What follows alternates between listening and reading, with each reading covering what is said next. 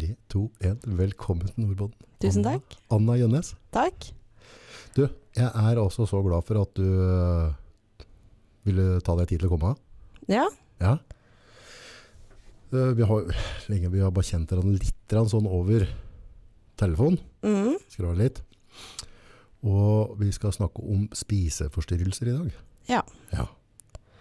Det er et ganske omfattende tema. Det er eh, omfattende og skummelt. Skummelt, ikke minst. Ja. Ja, for dette er noe som er veldig, veldig, veldig personlig. Ja. Ja. Spiseforstyrrelser, anoreksi, de, hva, hva er forskjellen? Altså, lær meg litt. Ja.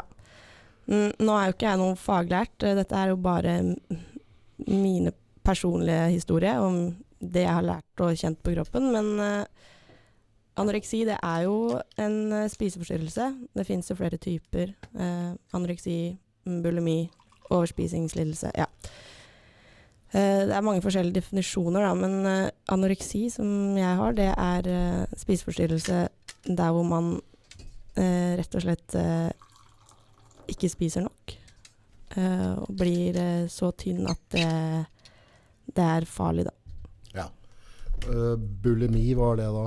Mm, det er mer en sånn form for renselsesatferd, sånn at du har perioder hvor du spiser veldig, veldig mye, overspiser, eh, og så kvitter du deg med maten etterpå, da, i form av å kaste opp eller avføringsmidler eller ja, sånne ting. Hvordan, ut altså, hvordan, hvordan, hvordan starta det for deg det hele? Altså, hva, hva var det første du, når er det du merka, eller hva, oppkjøringa, når merka at her er det noe som ikke stemmer? Eh, ja, når jeg tenker tilbake på det, så var det når jeg gikk eh, siste året på videregående. Eh, jeg gikk eh, på landbruksskole, Tom videregående i Råde. Det er en privat internatskole. Um, og jeg hadde det egentlig som plommene i egget der. Mm, og så skulle vi begynne med sånn treningsprogram i gymmen. eh, ti uker. Og jeg har jo alltid vært flink pike, så det gikk jo jeg eh, all in på. Um, og kjente da at jeg begynte å få overskudd og sånn. Dette var like før jul, da, i tredje klasse. Så du fikk overskudd av å begynne å trene ekstra? Ja. Mm, jeg har uh, slitt med Eller jeg har barneleddgikt, eh, så sånn barn, nei, ungdomsskole, litt på videregående, så har jeg til tider vært veldig, veldig sliten pga. medisinering og sånn. Um, men det hjalp eh, å begynne å bevege seg litt da, og det var jo ikke snakk om mye, det var jo to dager i uka. Um, så begynte jeg å føle meg bedre, og så uh, Når man begynner å bevege seg mer, så er det også lettere å spise sunt, da, for det føles mer riktig. Og Jeg bodde jo for meg sjøl, eller jeg bodde i kollektiv med uh, en del venner, og uh, ja, bestemte jo hva jeg skulle spise sjøl og sånn. Så det ble liksom bare en fin greie, da. Eh, den vinteren. Eh, For da følte du fikk liksom der etter å ha trent, så får du liksom appetitt og lyst på litt kylling eller øh, laks. Altså du får lyst til å spise litt sånn ja. Eh, jeg husker ikke liksom akkurat åssen det gikk seg til, men jeg bare husker at eh, det bevegde seg mot å bli mer og mer trening og sunnere og sunnere mat. Um, og så begynte jeg å få høre at jeg så bra ut. Jeg begynte jo å gå litt ned i vekt, for jeg har jo aldri vært uh, kjempetjukk, men jeg har vært en kraftig jente hele livet. mm. Mm, det var jo hyggelig å høre, liksom. Det var jo litt som bensin på bålet. Uh, og så um, Derifra så bare ble det mer og mer ekstremt. Um, På hvilken måte ekstremt da? liksom? det ble mer og mer trening. Um, og mer og mer fokus på liksom aktivitet. Uh, begynte å høre mye på podkaster. Altså begynte å henge meg opp i skritt. Uh, uh, skulle liksom alltid toppe meg sjøl, da. Gå litt flere skritt enn dagen før. Løpe litt lenger enn forrige løpetur.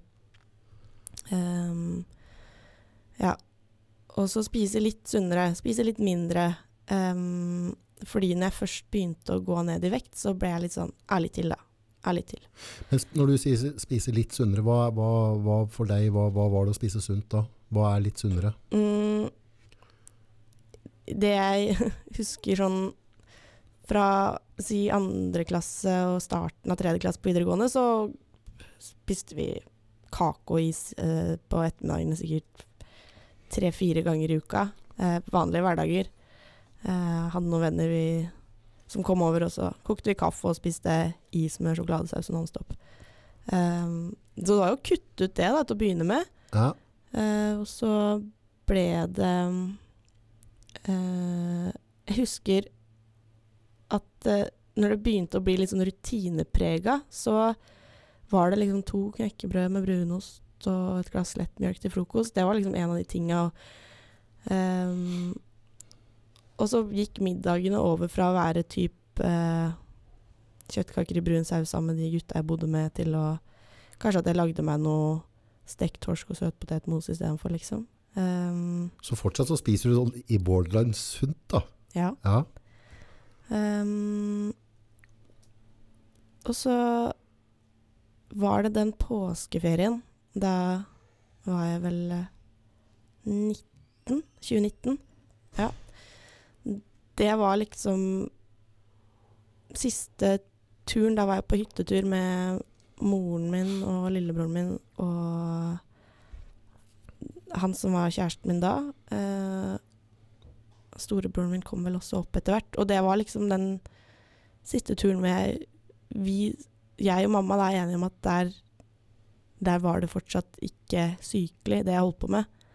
Eh, når det gjelder mat og aktivitet. Um, men jeg husker også at det der hadde jeg blitt såpass lett og såpass sterk at det var sånn pullup-greie som hang i døra der, og så klarte jeg liksom å ta noen pullups, og det var liksom helt utenkelig før. det er ganske tungt. Ja, og så det var liksom skikkelig gøy, da. Eh, vi var ute og gikk på ski. Eh, har alltid gjort det, liksom, men det gikk så lett. Ehm, men etter det så bare mista jeg liksom kontrollen, for jeg, jeg hadde liksom en vektgrense som jeg tenkte at der kan jeg stoppe og gå ned i vekt. Der du mente at du var ok, sterk form. Ja, Ja, du trodde at du hadde en ja, Er jeg der, så er det, så er det greit. ja. Der kan jeg godt trives med å være. Men da klarte jeg ikke. For jeg var så sinnssykt redd for å gå opp i vekt igjen. Den derre skammen med alle disse som har gått ned i vekt, og som går opp det dobbelte. Den norske dietten, Ja, den norske kul. ja. Jo, jo. Det var jeg så sinnssykt redd for, så da Og den frykten gjorde at jeg hele tiden skulle være på den sikre siden, at jeg ikke skulle spise så mye at jeg kunne risikere å komme dit. Og da ble det heller for lite. Og så bare fortsetter kiloen å rase av, da. Når du sier for lite, hva, hva kunne du få i deg matløp en dag da, tenker du? Noen Mm, jeg, husker var det fra to knekkebrød til ett knekkebrød liksom, til frokost, eller var det jeg husker ikke Altså, mye av denne perioden er veldig blurry, og jeg er litt redd for å på en måte si Snakke om mengder og vekt og, og sånne ting, fordi jeg veit at det er så utrolig triggende Ja. for folk som er i samme situasjon som jeg er og var i. Ja. Så det er på en måte uh, Ja. Nei, for det første husker jeg ikke. For det andre så har jeg ikke så lyst til å snakke om akkurat spesifikke mengder, men det var Det gikk gradvis nedover uh, til å være så å si ingenting. Ja.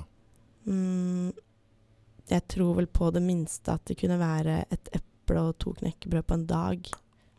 Og det er på en måte én ting, men når du da Det er Skal- tikke av minst 25 000 skritt den samme dagen, så er det jo ikke veldig bærekraftig. Når du, når du um, står i dette, altså, det går jo ikke an å altså, Det må jo være sultfølelse og smerte. Men ble det sånn at du ble kamerat med sult og smerte? Altså ble, ble, det, ble, det, ble du kjent med det og følte deg trygg rundt det? Ja, det var en trygghet. Um, for det Det holdt meg på en måte på den sikre siden fra den jojo-dietten. Mm. Uh, for jeg ble på et punkt utrolig redd for å, å miste kontrollen hvis jeg tillot meg å slippe opp i regimet mitt, Mm. Og at det bare skulle rase oppover igjen. Eh, jeg er jo fortsatt redd for det, liksom. Eh, hvis jeg skal tillate meg sjøl å spise det jeg har lyst på, eller spise hver gang jeg er sulten, liksom, så er jeg jo redd for at, det, at Mm. jeg skal rase av gårde. Jeg har en sånn en- en krons, en sånn magegreie. Eh, og hvis jeg har mye betennelse i systemet, så, så har det hjulpet meg veldig at jeg går på sånn jeg kaller det intermitting fasting. At jeg prøver å spise kun én gang på døgnet. Da har jeg valgt å gjøre det på kvelden. Eh, for det er lettere for meg å sove. Hvis jeg, altså hvis jeg legger meg sulten, så, så blir jeg veldig urolig. Men det Nå er ikke jeg en fare for at jeg ikke spiser nok, men, men eh, det jeg har opplevd, da, sånn som nå, da, for nå, jeg, jeg ramla litt av den bølga nå, og så har jeg fått litt trøbbel med magen igjen, så nå har jeg ikke spist noe ennå i dag. Og nå, når vi sitter og prater nå, og prater på mat, så kjenner jeg den litt sånn den sulten. Og det er litt sånn, en sånn en tomhet, da. Inn, altså, du føler at det har en litt sånn vakuum inni meg. Og det jeg syns har vært litt rart, er noen ganger at selv om det er litt ubehagelig, så er det litt godt. Og så har jeg tatt meg sjøl i noen ganger at jeg sier at okay, jeg kan spise fra sju til ni. Da, det er mitt vindu, og så må jeg få med nok mat så jeg vet at jeg kan ha energi i morgen. Og det kan være litt problematisk, for jeg bør i hvert fall ha gudene vet, to og et halvt, nok kalorier. da. Så hvis jeg mister matlysta på kvelden, så blir jeg litt stressa dagen etterpå, for da vet jeg at jeg vil komme meg litt i underskudd. Men da har jeg liksom opplevd noen ganger at jeg flytter den fra sju til ni, at jeg flytter den til åtte. At istedenfor å ta den, så har jeg liksom bare kosa meg litt med den sultgreia. Og den, er- den, den skjønner jeg. Hvorfor skal, for det er jo ikke godt å være sulten, men samtidig så er det godt å være sulten. Hva faen er det for noe? Mm, det er et uh, veldig godt spørsmål. Jeg uh, har uh, ennå ikke helt skjønt greia med det. Um, jeg kobler det litt med at jeg føler meg litt sånn asketisk, kanskje. Asketisk vet ikke hva det betyr. Mm, sånn typ munker og sånn. De er litt sånn asketiske. Yes, yes, yes. Ja. Clean, renselse. Altså, Eh, liksom at man ikke tar til seg, er grådig, eh, fråtser. mm, mm. Eh, ja, litt sånn kanskje. Ja. Eh, det er ingen som kan ta meg på, på noe, føler jeg. Nei. Eh, men det er veldig, veldig merkelig, det greiene der. Eh, men for meg har det i hvert fall vært en trygghet i at jeg ikke har spist for mye. Ja. Kjenner du på sult, så er sjansen for å bli feit veldig liten. Den er veldig da Ja. Men det har jo dem som er sultne hele tida òg, da. Som spiser hele tida òg. Men fortsatt så, det, det, er så komplekst. For vi på ene sida så har vi på en måte deg som uh, har trukket strået og, og får den sida av, av, eh, av eh, greia. Og så har vi andre som overspiser hele tida og, og spiser seg i døden. Mm. Og andre spiser, seg, altså spiser ikke som havner i døden. Altså, dette er, eh, er komplekst. Ja. Um, men jeg tror jo bare det er symptom på mye av det samme, da. At det er en måte å takle livet og følelser på, på en måte. Mm. Um, ja. En ting er det, og det vil jeg tro at det er mange andre som har tenkt på. um, når du kom i dag, da. Så, altså, du er jo en fantastisk jente, da. Ja, og, og du har, men uh, du har jo òg en, en altså, du, er- du er jo fargerik, men du har jo òg en fargerik personlighet. Ja, så vi har prata litt på telefon, og jeg har på en måte lært meg å bli veldig glad i deg på den. Og jeg syns du er veldig reflektert, og, og syns det er veldig kult å prate med deg. Men så ser, du ser veldig bra ut, ser jeg. Mm. Er det feil å si da? For jeg tenkte når jeg sa det, så tenkte jeg bare faen, hvis hun føler at et eller annet nå, og så sier jeg, kommer jeg med et kompliment da? Er det, altså, er det fort gjort å tråkke over på den? For jeg mente det egentlig bare godt, og jeg mente at du så godt ut. Um, jeg syns det der er veldig vanskelig, for det tror jeg er sinnssykt individuelt. Mm. eh, for min del, og der hvor jeg er i prosessen, at jeg har jo kommet en lang vei fra der hvor jeg var Altså det vi snakka om i stad, hvor jeg nesten ikke spiste noen ting og var helt uh, uh, fanatisk, liksom. Mm. Um, jeg tenker det at Shit, så hyggelig. Uh, for jeg er jo redd for å bli møtt med at folk ser meg og tenker at Oi, hun, hun så sjuk ut, liksom. Mm. Det vil jeg jo ikke. Nei. For jeg identifiserer meg ikke med sykdommen. Ehm, men så har du jo allikevel eh, Det kalles eh, ofte i terapi den spiseforstyrra stemmen, da. Okay. Eller styggen på ryggen, som vi kan kalle det. Mm. Um, som kan tenke da at jøsses, da trenger ikke jeg å jobbe meg opp de siste kiloene som, eh, for å bli normalvektig, da. Mm. Fordi jeg ser godt ut sånn som det er nå, på en måte. Mm. Og den frykten jeg har for at folk skal se på meg som sjuk, den er ikke Jeg trenger ikke å være redd for det. Mm. Um, så da kan jeg på en måte bare fortsette å balansere på den knivseggen jeg balanserer på nå, da, der hvor jeg ikke går opp i vekt og ikke går ned i vekt og ø, klarer å leve et tilsynelatende normalt liv, men er plaga av veldig slitsomme tanker rundt mat og sånn, da. Mm. Så um, Men har du tenkt over hvis, når, hvis Og der igjen så er det individuelt, da. Men nå har jeg prata med deg med telefon noen ganger, og, og bare blitt kjent med deg gjennom personligheten din og, og på en måte ditt indre. da. Og så ser jeg deg, også når jeg sier at, jeg, at Oi, du ser veldig bra ut. At jeg kommer med kompliment sånn. For meg så er ikke det bare ytret ditt. Altså Det er deg som en helhet. Altså energien deg og mennesket som ser bra ut for meg. Hadde du vært en jævla drittsekk, så hadde jeg antageligvis ikke på en måte resonnert på samme måten. Så når folk kommer med et kompliment, da, mm, så, så kan det òg bety altså det deg, Anna. Altså utstrålinga di. Måten du hilste på meg. eh, At du smilte. Måten du gikk på. Altså at du har altså, At når jeg sier det, så, så er det ikke bare det om du er én eller to kilo opp, men for meg så er det deg som en helhet da, som ser bra ut. Ja. Jeg, jeg blir jo veldig glad for å høre det.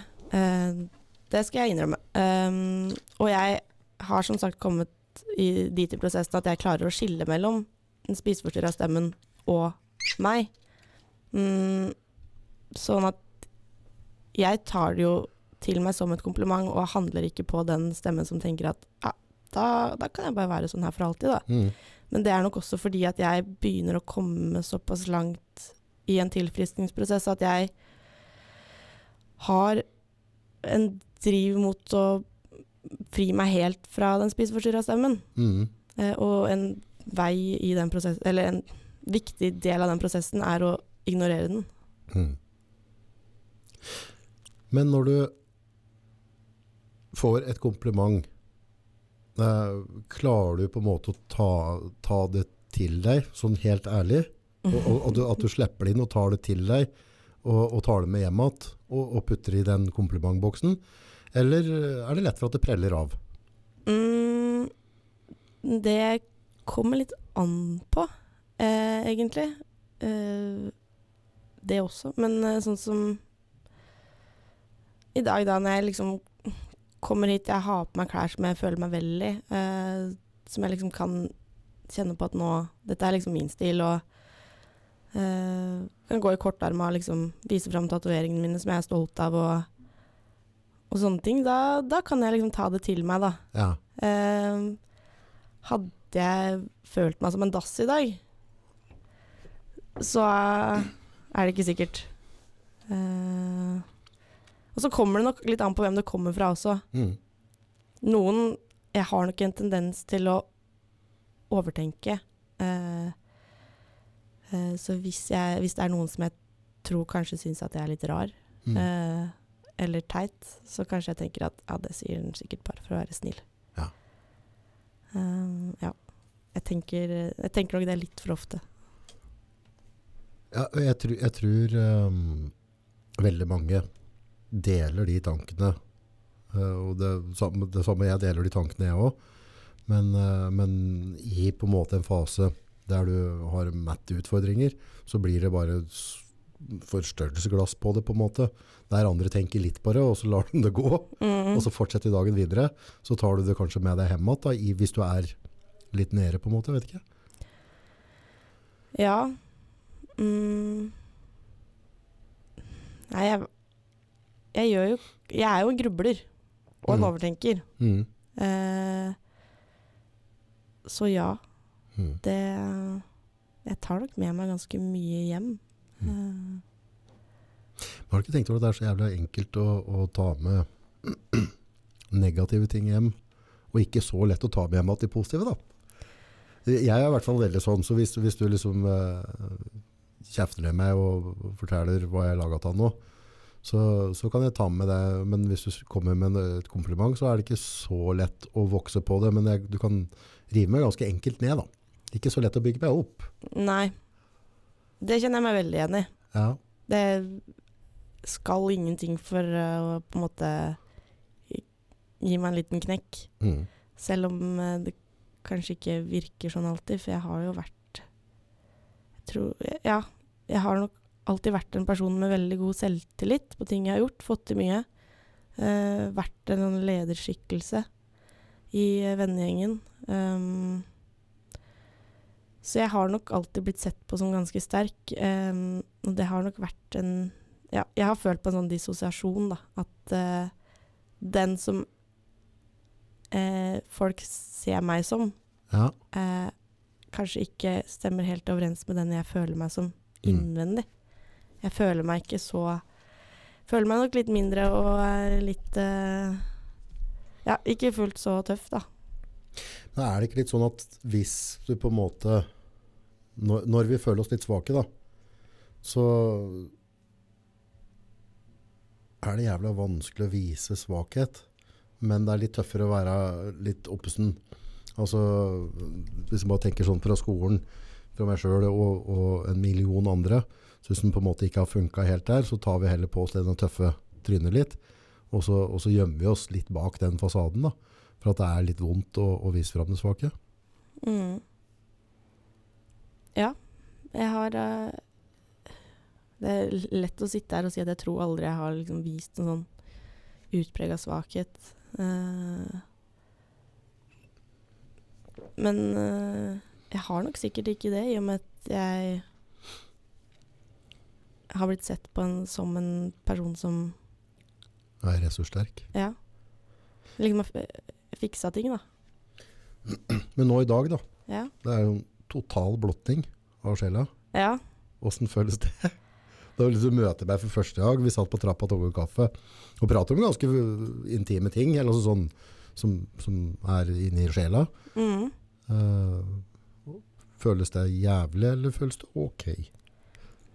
Mm, det føles um, på en måte godt. Litt sånn lettende, men det er jo som jeg sa til deg i stad, at nå må du ikke få meg til å begynne å grine. Nei. Fordi at det, det er såpass mm, uberørt, liksom, eh, og skjørt, at det skal ingenting til før jeg brister. Mm.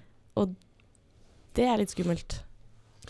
Men eh, la oss si da at uh, på trappa der, at det hadde brista. Hva hadde skjedd da, tenker du? Hadde jeg begynt å le av det, eller uh, gjort litt narr av det, og tatt bilder av meg og deg som brister? Liksom? Hva, hva tror du hadde skjedd? Liksom? Hva, hva, hvorfor er det så farlig å briste? Jeg syns det er skummelt å briste fordi at uh, det føles ut som jeg har holdt inne veldig mye veldig lenge. Ja. Og hvis det først brister, så blir det en overreaksjon, for du vet den derre at du går og undertrykker ting hele tiden. ja. Eh, og når det først sprekker, da, da sprekker den bobla skikkelig, og da er det mye gøgg som skal ut. Og hvis det da bare er fordi at um, uh, For en liten ting, da, Um, så blir det en sånn enorm overreaksjon, og så klarer jeg ikke å, for, jeg klarer ikke å forklare hvorfor. Nei. Um, og jeg har en veldig trang til å kunne forklare Jeg vil kunne forklare alt. Det er sånn OK, nå skjedde dette på grunn av det. Um, med, sånn at det der også skulle briste og ikke ha en god grunn, da. Ja. Det syns jeg er veldig skummelt. Men er det ikke rart med, med den bristen, da? Uh, hvis, jeg, hvis jeg sitter og siper hjemme, så jeg klarer ikke å si gråte engang. Jeg, liksom, jeg må tøffe meg litt til, ikke sant? Eh, så det som er så jævla ubehagelig med det, at jeg vet ikke hvorfor. Altså det, det, bare, det, det, bare, bare kom, det kommer ut et eller annet. Om det er fra ditt eller jeg, jeg vet ikke. Og stort sett, liksom, hvis, er, hvis du har fått meg til å, å gråte, så kan du være liksom bare den siste dråpen i glasset som får det til å flomme over. Så jeg kan på en måte legge skylda på deg, da. At du var jævla guffen med meg nå, og så knakk du meg. Men jeg vet egentlig inni meg at, at det er liksom et hav inni der. Altså det, det er flaska opp. Og så klarer jeg ikke Og da blir du jævla sårbar. For hvis du, hvis du føler at du brister, og så Du får ikke satt ord eller tegning, du får ikke, du får ikke gjort det. Uh, det kan være traumatisk, rett og slett. Ja, jeg er veldig redd for det, da. Um, og det er nok mange av mine nærmeste som har stussa mye på det at jeg kan snakke veldig mye om min sykdom, min tilstand. Uh, at jeg liksom er så åpen, uh, tilsynelatende. Men det er på ting som jeg har på en måte tenkt igjennom. Jeg har Lest deg opp? Jeg har en forklaring på det. Jeg vet liksom uh, Det er de tingene jeg De puslespillbitene jeg har klart å legge på plass. Mm. De kan jeg være åpen om. Det gjør meg ingenting. Som jeg på en måte kan snakke om, og så gir det litt mening. Mm. Men i de situasjonene hvor jeg tenker at det der, det er vanskelig for meg. Dette her, dette er ubehagelig. Mm. Mm, og så klarer jeg ikke å sette ord på hvorfor. Um, da kommer jeg liksom litt til kort, da. Det, da. Da blir det inni meg, Fordi da vet jeg ikke hva jeg skal si om det. Men uh, la oss si at, at uh, i en samtale, og så, sitter vi og prater, og så treffer du uh, noen nervetråder på meg, og så brister jeg, da.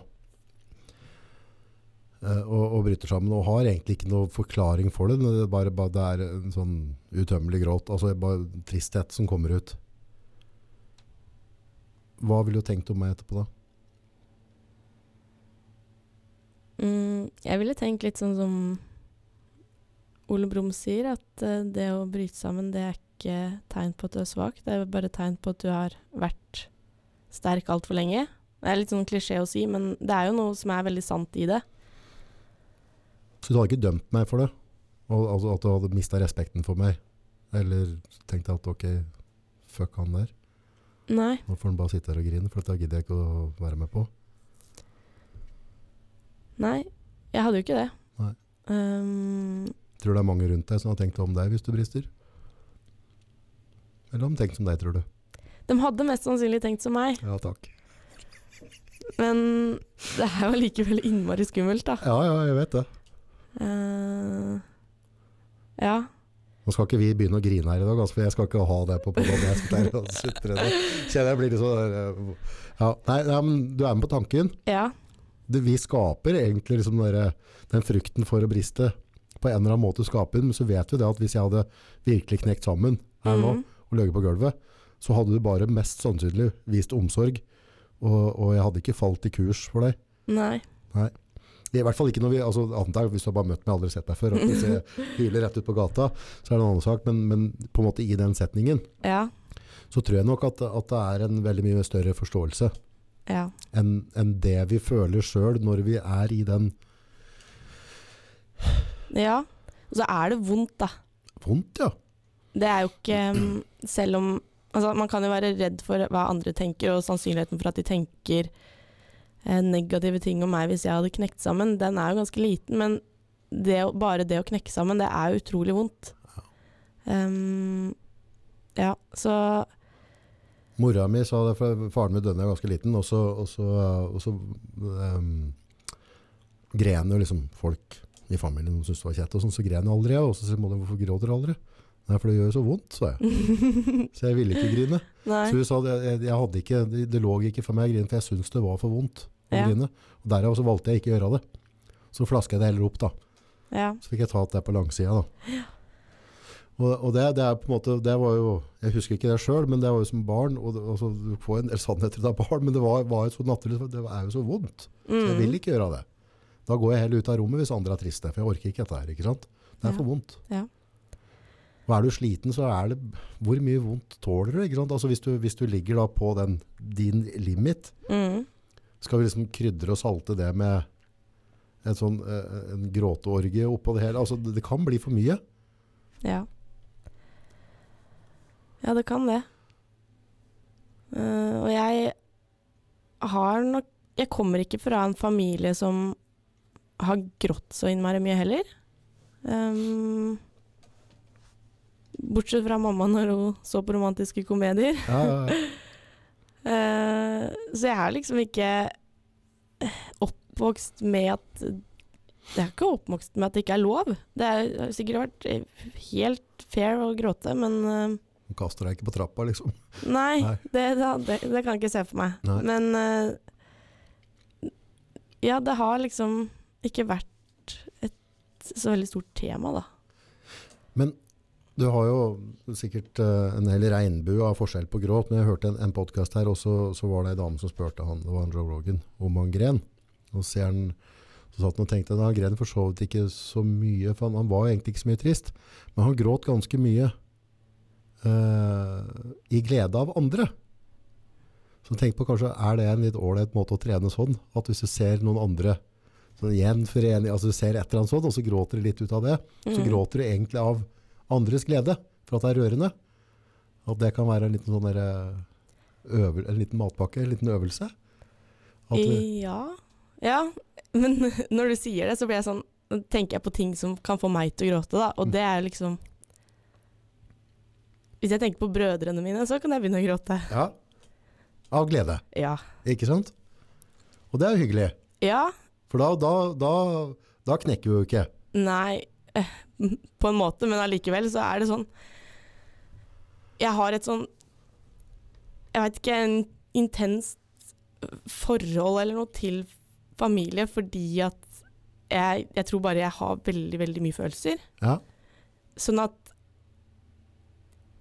jeg sier jo så å si aldri til mamma og pappa at jeg er glad i dem. nei, Fordi det tror jeg ikke jeg klarer, i hvert fall ikke ansikt til ansikt uten å begynne å gråte. nei.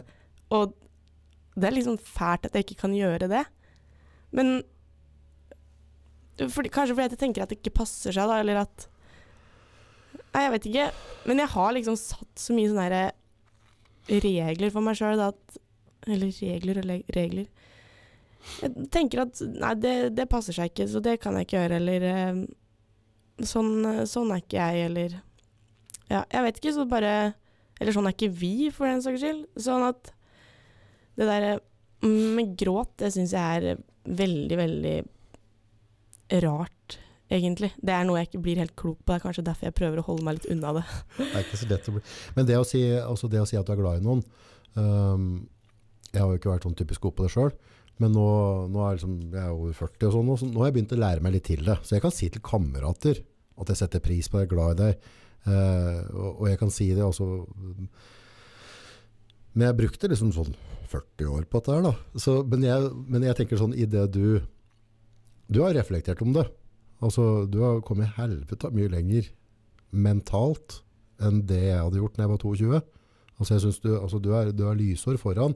Så jeg syns den utviklingen, altså sånn, når vi har prata i telefonen og sånne ting, altså, og der har jeg på en måte digger deg på dette der, at du, så bare gi, gi det litt tid, da. For, for følelsen din er jo ekte for familien og brødrene dine og alt dette her, ikke vel? Men om du ikke klarer helt å sette ord på det akkurat nå, det trenger ikke være feil. Altså, in time. Ja. Alt in, i sin tid. Ja. Og så tror jeg ikke du er så jævla glad i deg sjøl alltid. Så, så, så, så det å si at du er glad i deg til venner, familie og sånne ting, og så, og så klarer du kanskje ikke helt å si det til deg sjøl. Det, det sier seg sjøl. Altså, du har jo en mismatch der, da. Ja. Og det at jeg har blitt såpass reflektert som det jeg er, det, det skyldes jo at jeg ble syk. Ja. For det hadde ikke skjedd hvis ikke jeg hadde Jeg hater jo å si at jeg har en spiseforstyrrelse, så hvis jeg skal si et eller annet, så kan jeg si at jeg møtte veggen. Ja. Um, hadde jeg ikke gjort det, så hadde ikke jeg blitt tvunget til å liksom um, tenke litt over hva jeg faktisk føler, og hvorfor jeg gjør som jeg gjør. Um, og det har jo vært veldig bra for meg. Og når jeg tenker tilbake på det nå, så har det jo vært innmari, innmari tøft, og det er fortsatt innmari tøft. Men Jeg er på en måte glad for at det skjedde når det skjedde. Ikke at eh, Jeg hadde venta til jeg på en måte ble 25, da, og så eh, Vært mer etablert ting hadde på en måte vært Ja. eh, Jeg hadde hatt mer ansvar. Nå har jeg, har jeg vært i en situasjon hvor jeg fortsatt har foreldre som er veldig, veldig til stede og eh, hjelper meg um, økonomisk og praktisk og alt. Um, sånn at jeg har kunnet faktisk ta et ordentlig tak i det. Mm. Um, jeg kunne ta fire måneder inne på, på døgnenhet i Halden. for å på en måte klare å komme meg litt opp fra den djupeste grøfta. Uh, uten at det gikk, gikk utover noe. Mm.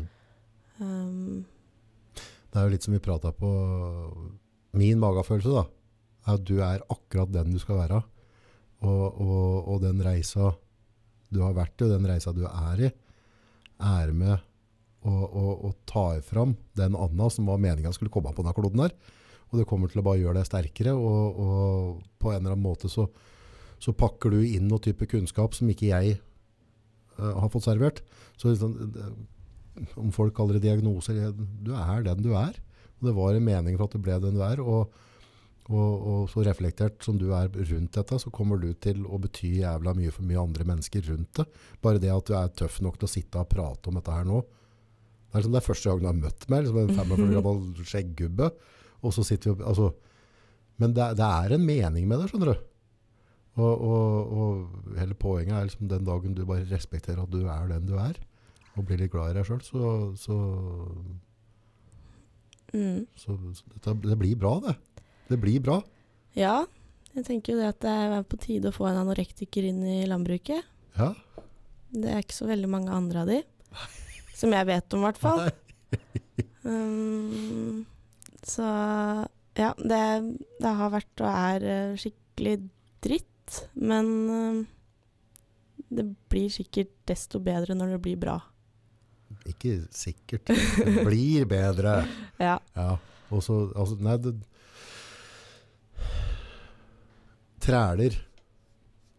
Det skaper personlighet. Det skaper det skaper altså, det, det, Alle Har du bare medvind, så blir det jævla lite farger i deg, på en måte. Altså, det, det, handler om å øh,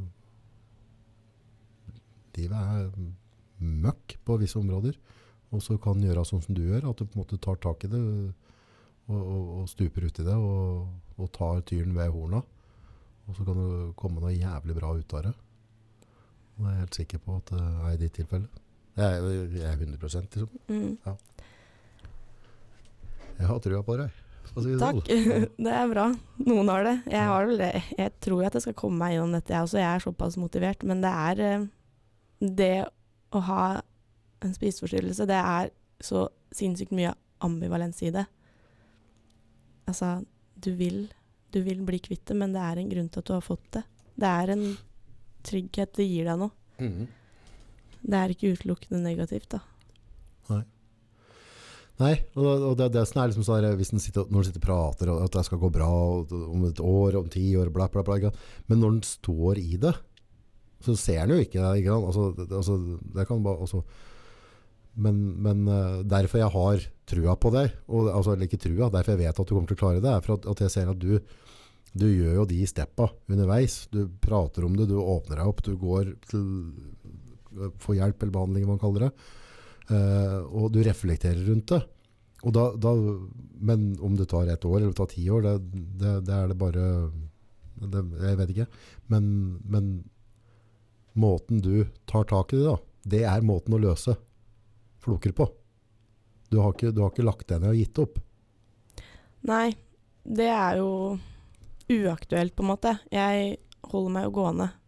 Uh, og jeg prøver å gjøre så mye som mulig av de tinga som jeg liker å gjøre. Mm. Uh, Sjøl om det er en veldig sånn hårfin balanse, fordi at mange av de tingene jeg liker å gjøre, de blir den spiseforstyrra mm, tanken litt sånn eh, motivert deg også. Den, det trigger litt. det trigger litt fordi at når jeg er i fjøset, jobber fysisk, forbrenner kalorier eh, Da blir spiseforstyrrelsen også fornøyd. Sånn at eh, jeg blir litt sånn Jeg har ofte tenkt Jeg føler meg ofte ikke tilstrekkelig i tilfriskninga mi fordi at jeg tenker at jeg skulle bare gått cold turkey. Jeg skulle hatt fulgt en eh, matplan som jeg hadde fått av ernæringsfysiologen min.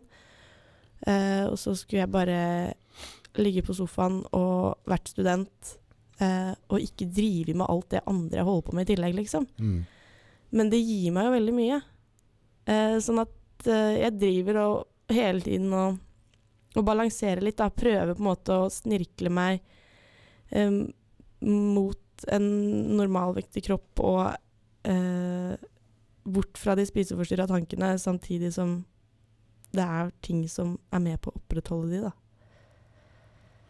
Men ordet cold turkey det er, Cold turkey er et jævlig effektivt verktøy. og, og fryktelig mange bør bruke den metoden mye mer. Men så er det visse ting du ikke kan bruke metoden på.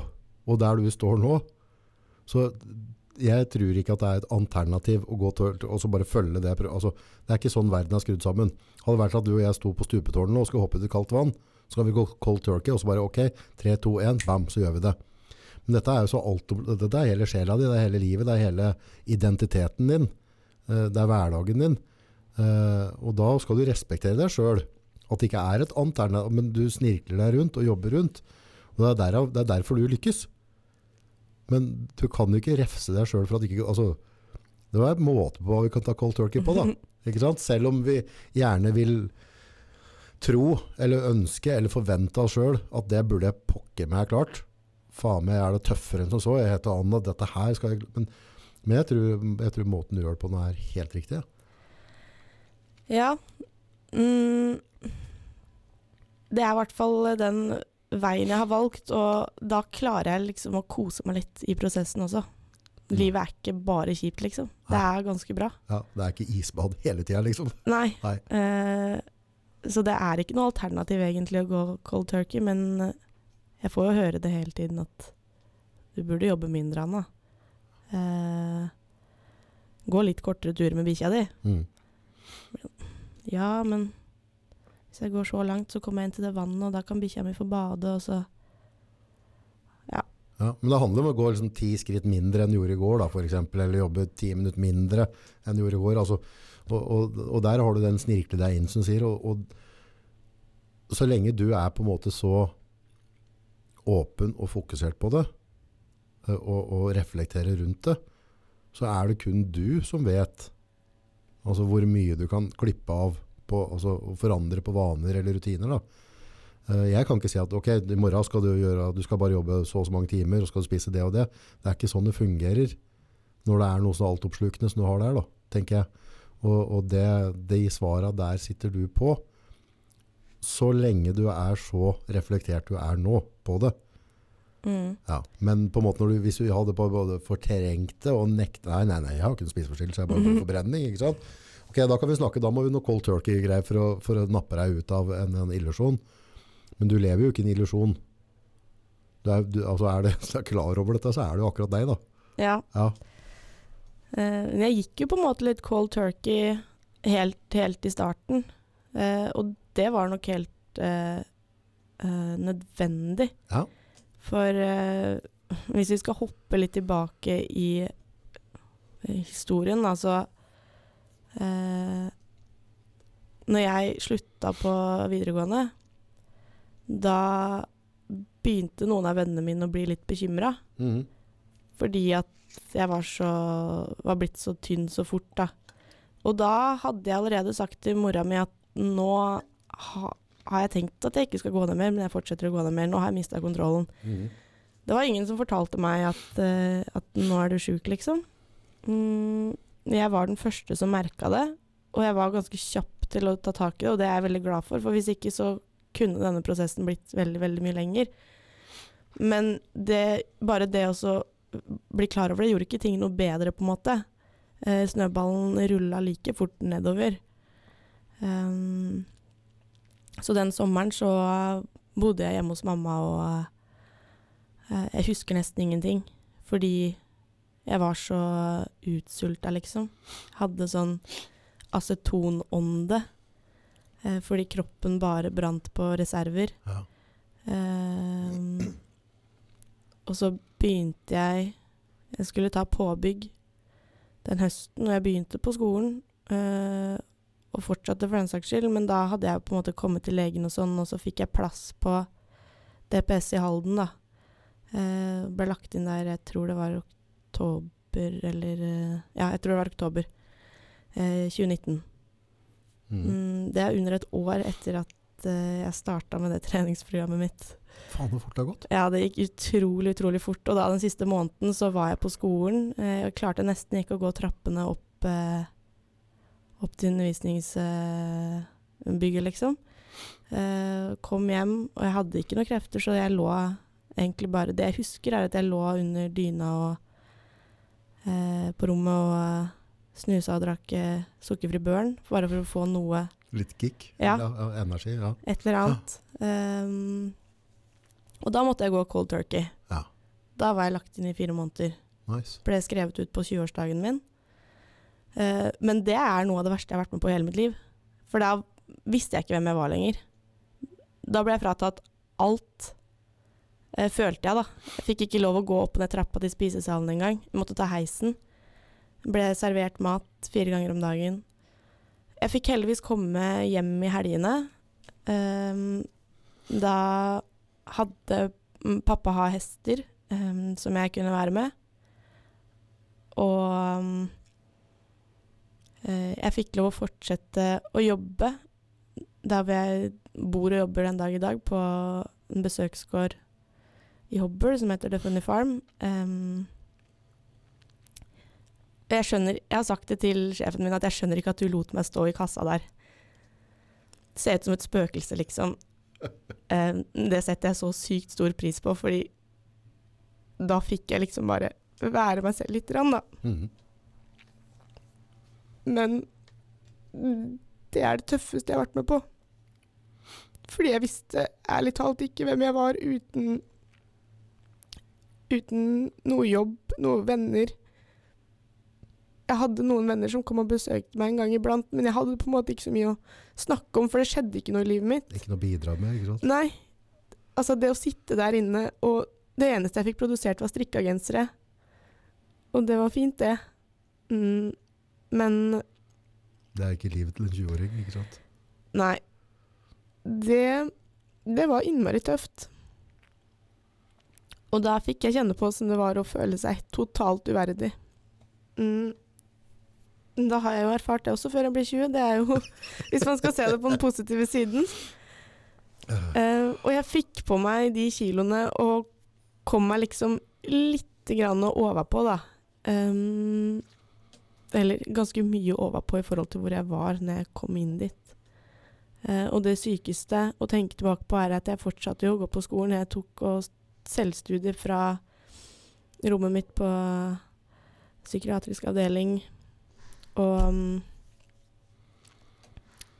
gikk ut um, den høsten, jo, nei den våren, det var jo da korona kom også. Så jeg hadde jo ikke eksamener og sånn, men gikk jo ut med toppkarakterer og Og når jeg sier det nå, så er det sånn der æsj, han har ikke skrytt av det. Men eh, skryt nå til helvete. Jeg gikk ut med lite godt i alt, så, så bare give it to me. Synes, sånne historier syns jeg er deilig å høre om. At, du- altså, at du har topp... Det, det er flott. Du er Ja. flink. Ja, nei, så Det gikk jo på en måte bra, og da, og da kom jeg um, Kom jeg inn um, på sånn Fikk jeg psykolog, da, eh, hjemme. Eh, som jeg gikk til en gang i uka. eh, I tillegg til at jeg ble fulgt opp av lege og sånn. Og, og siden da så har jeg på en måte klart å holde meg sånn noenlunde vektstabil. Det har gått litt opp, litt ned. Mm, nå det siste halvåret så har det gått opp, men mm, ja, nå, Nå hopper jeg jo litt langt fram igjen, fordi si. jeg gikk, eh, jeg gikk ett år sånn, da. Jeg begynte å studere husdyrvitenskap på Ås den høsten. Eh, under koronaen, altså det var jo bare hjemmeskole. Og så fikk jeg meg en ny avløserjobb, eller en avløserjobb til, og så eh, fikk jeg, kjøpte jeg meg hund eh, januar 2020, og, nei 2021. Eh, og begynte liksom å få liksom litt sånn livet sånn sakte, men sikkert tilbake, da, mens jeg hele tiden ha, hadde med meg spiseforstyrrelsen, da. Ganske sånn til stede eh, i hverdagen. Eh, og ganske plagsom. Veldig plagsom. Mm. Og sånn har liksom livet vært, da. Eh, studier, hund, fjøs. Studier, hund, fjøs.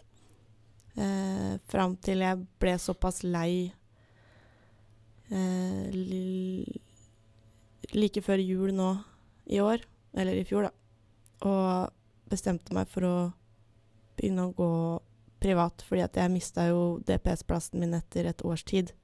Da var jeg frisk. Så klart. Ja. Selv om jeg verken var normalvektig eller eh, fri for eh, tankekjør.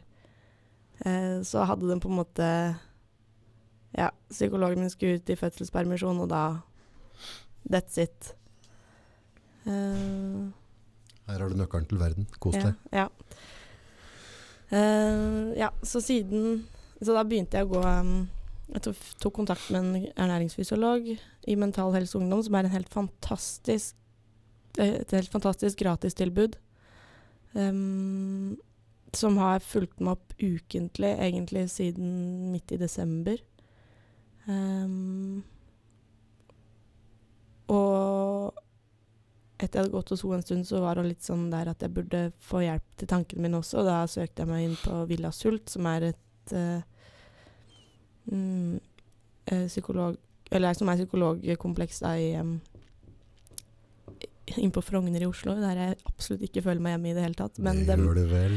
dem Ja er, dem er i hvert fall eh, spesialisert på området, da. Så har jeg gått der et halvt år nå, da. Skal begynne igjen. Nå har, hatt, nå har det vært sommerferie. Så nå har jeg ikke vært der inne på litt over en måned, men skal inn dit igjen på onsdag. Da begynner jeg på det igjen. Det blir godt. Godt og vondt. Eh, ja.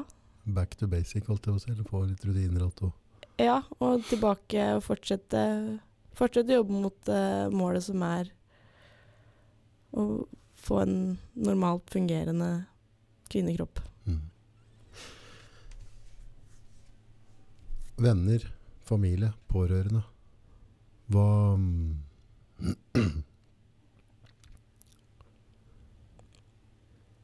det, det som er vanskelig, da, eh, sånn som nå Jeg kan jo på en måte stille Føle at jeg kan ta meg rettigheten og, og prate med deg på en annen måte, for at vi sitter i en pod. Og vi er begge to enige med at vi møtes på slagmarken her for å prate.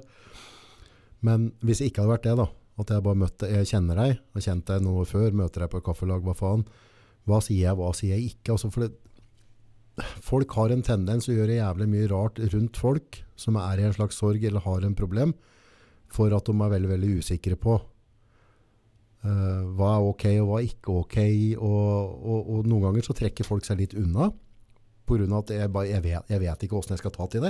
Ikke sant? Og da er det lettere at jeg heller jeg ser deg, og så går jeg en runde rundt.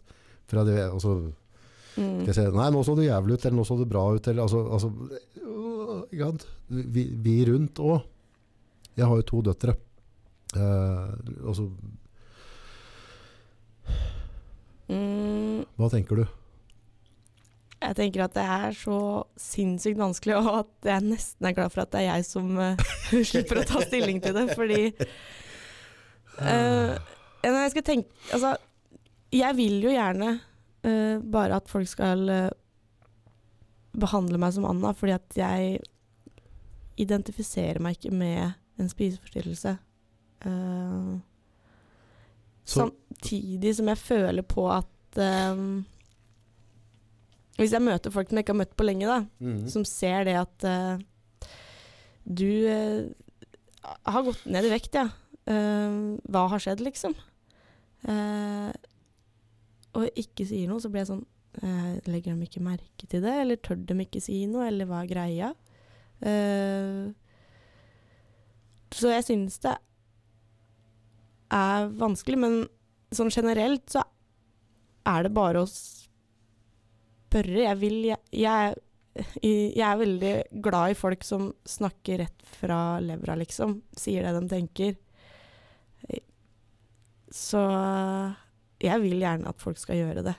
Bare si akkurat det som faller dem inn. Gangdøra stoppes, nå får naboen være med på båten. Det er så varmt her i dag.